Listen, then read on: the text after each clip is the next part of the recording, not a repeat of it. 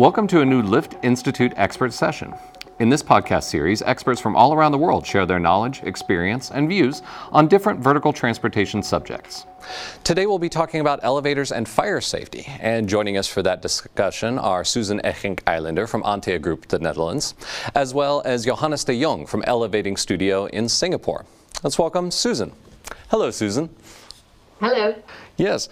Uh, Susan, uh, it's just as a normal member of the public, I'm familiar with the command to not use the elevator during a fire. And it's, uh, you have aging demographics now, and that's not as obvious a rule as it used to be. Uh, what, are the, what are the facts and what are the factors there concerning an aging population? In the Netherlands, we see that elderly people living independently at home, mm-hmm. In their own familiar environment, in a place where they feel comfortable and safe. Yeah. We also see that people are getting older yeah. and more need more care to be able to continue living independently at home. Sure. This daily support can be well offered in a home situation by professionals mm-hmm. who help them with the daily routine. But in case of a fire, these professionals are not near the person in need. Right. So the mobility of the growing group of elderly people is so poor that the use of stairs is not an option. Mm-hmm. It's no matter of uh, being able to go down the stairs slowly, it's a matter of not being able to use the stairs at all. Mm-hmm. So these people move around in wheelchairs or mobility scooters and will never be able to use the stairs. Right. So therefore, they will have to use an elevator to be able to leave the building safely. Yeah. The only alternative is that they are being rescued by the fire brigade. Sure, yeah, and obviously that's that's a, a, challenge, and, and it's always been true of people in, in wheelchairs. But you, you just, as you say, you see more and more of those uh, over time. And uh, exactly. uh, is is this taken into account enough whenever you build? There's so many high-rise buildings these days that it can't help but be a, a, a factor. Uh, so how do we how do we account for that? Well, we see uh, two different uh, uh, situations. Mm-hmm. In the Netherlands and in other countries around us, um, there is more awareness about the need for a transition mm-hmm. in which the elevator can be used in case of a fire. Okay. At the same time, there are many concerns and uncertainties about how this can be realized. Right. Uh, let me explain. In, in high rise buildings, uh, support can be provided during evacuation by using the so-called evacuation elevators. Uh-huh. Uh, these buildings are more common in large cities, also in the Netherlands, but the low-rise buildings from about four to six floors, mm-hmm. we see them much more. Uh-huh. Each village or small town has residential buildings of several floors with normal elevators. Yes. It is often thought that elderly people can choose whether to take the stairs or the elevator to leave the building. Mm-hmm. But unfortunately, there's a growing group of uh, people who don't have that choice. Yeah. They can't use the stairs and they are dependent on the use of the elevator to leave the building. Yeah. So we must therefore also create opportunities in the low, common stacked buildings to be able to safely escape the building. The elevator can play a significant role in that. Okay, yeah. And are there other uh, pros and cons to consider when you when you think about using the elevator in a, in a fire? Oh yes, indeed. Um, apart from the uh, the installation issues that we have mm-hmm. and the issues with people, we also need safe areas in a building. Hmm. Uh, we call it compartments, uh, which is a, a, specific part of the building which is fire resistant, separated from the area which is threatened by fire and smoke. Mm-hmm. Uh, so people have to wait there and stay there safe until the elevator comes to pick them up. Mm-hmm. So the elevator has to move uh, in that uh, part of the building on a safe way, and the people have to wait there yeah. for as long as needed. I see. Yeah, it's an it's an interesting area, and uh, I'm glad that we have experts such as yourselves to consider these these complicated factors. Thank you, Susan. Uh, I'm going to direct my next question to Johannes de Jong. Uh, Johannes, welcome, and please tell us what role you think elevators can play in fire safety in buildings. How, how safe are they? It's a my pleasure being here. Uh, thank you. Yeah.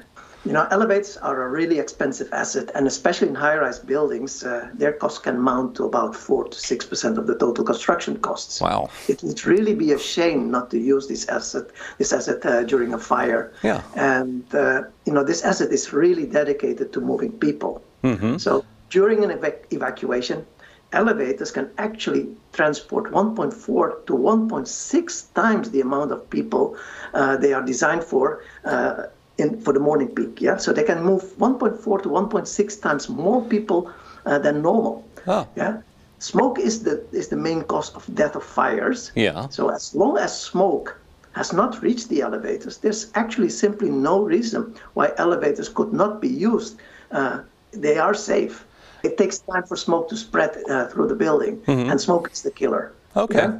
Interesting. And today, nowadays, you know, we have those smoke sensors and temperature sensing technology, so it's really possible to keep the elevators running and not to, to, to, to disable them as the actual codes demand at the moment. Okay.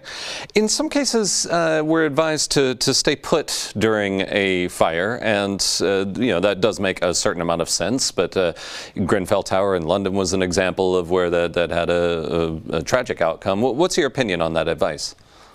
Well, the reason why we are asked to stay put is uh, they want to check what the cause was and the severity of the alarm. Yeah, and unfortunately, a very large amount of the alarms are either false or unwanted fire alarms. Sure. Yeah. Yeah. If a toaster, for example, sets off the alarm, the alarm worked fine. Yeah. But there is no imminent danger, and thus the alarm is an unwanted alarm. Yes, that makes sense. If the alarm, however, uh, cannot be explained, it's a false alarm. But you know, every now and then there is one that really requires action. Sure. Yeah. And during this uh, period of checking, you know, smoke can spread. It, it takes time to check this. Yeah. And this is exactly the the time which I would like to use the smoke, which I call the smoke safe time. Yes. Uh, to move the people with disabilities out of the building even before the fire wardens or the firemen arrive at site. Okay. Yeah, no, that's a that's a good perspective on it. And how about stairs? How do those uh, factor in? Well, if you think about stairs, um, I'm working on buildings uh, 60 to 100 floors high, 250, 400 meters high. And I know for a fact already that some 5 to 10% of the users will never be able to walk all the way down. And I'm personally one of them. Yes. Yeah. So put yourself in this guy's shoes. How would you react to the, the sign in case of fire? Use the stairs, not the lift. Right. yeah. Yeah, and you see these enormous towers going up uh, in ma- every major city around the world. So naturally, that that is the case. Uh, Yeah. Are are there other pros and cons of uh, using an elevator in a, in a fire? What what else should we consider? Well, I would definitely like to use the elevators in in in in, in case of fire. Uh, We should not uh, stay without using them. I've actually been uh, preaching about what I called uh, voluntary egress elevators, uh, which I called V. Uh-huh. Yeah, you know. All you need is a couple of smoke and heat sensors in the hallways, in the hoistways. Yeah. Really minor cost for updates. Yeah. Uh, we must warn the disabled immediately. Yeah, we can't wait uh, with with this this uh, stay put uh, calls. Yeah. Yeah. Uh, we must get those people out immediately. So if we want these people, they can actually use the elevators. Uh-huh. Uh, if we have a floor warden on the floors, they can check that the right people use use the elevators Oh, I see. and uh, the others use the, the, the, the, the stairs. Right. The pluses of these systems are that uh, we are using the already uh, expensive installed asset. Mm-hmm. Yeah. Uh, the disabled can evacuate themselves before the fireman comes on site, and the fireman actually needs to start saving these people, which takes time. Yeah, Mm-hmm. Yes. and and his main task is actually to save the building, not really to save people. yeah, he must save the building. Uh-huh. Yeah, so this is an extra task which slows him down with his main task. I see. Interesting. So, so the, the, the, the real minus of this, uh, of course, is of course that if smoke spreads quickly, you actually have to revert to the to the normal methodology used nowadays, which is go to the firefighter uh, elevator lobby and and stay put. Yeah? Interesting. But I would really like to get those people out of the building before it actually becomes an, an issue. Yeah, and the, in your view, the elevator is an essential, uh, in some cases, the only way to to accomplish that. Yeah, and if you if you remember the, the Grenfell case, uh, we, the people were told to stay put. Yes. Yeah. Uh, staying put while actually they were not aware of an of an unknown uh, issue with the, with the facade of the building. Mm, yes. Yeah. Uh, so that aggravated the situation quite heavily. Mm-hmm. So fire and smoke spread became a serious issue, mm-hmm. and corridors were invested by smoke. Uh, so it was even hard to find the, the escape routes. Sure. Yeah. And those using the elevators, and by the way, that was really strange. The elevator was still moving, so the, the they were not pulled down. Mm-hmm. Yeah. And, and those using the elevators actually took a very, very big risk. And we all know how, how unfortunate uh, Grenfell ended. Yes, absolutely. Okay, well, well, thank you. This is an interesting perspective uh, on this, and uh, uh, it's something to consider as we move towards taller and more tall buildings uh, in the, in, the, future.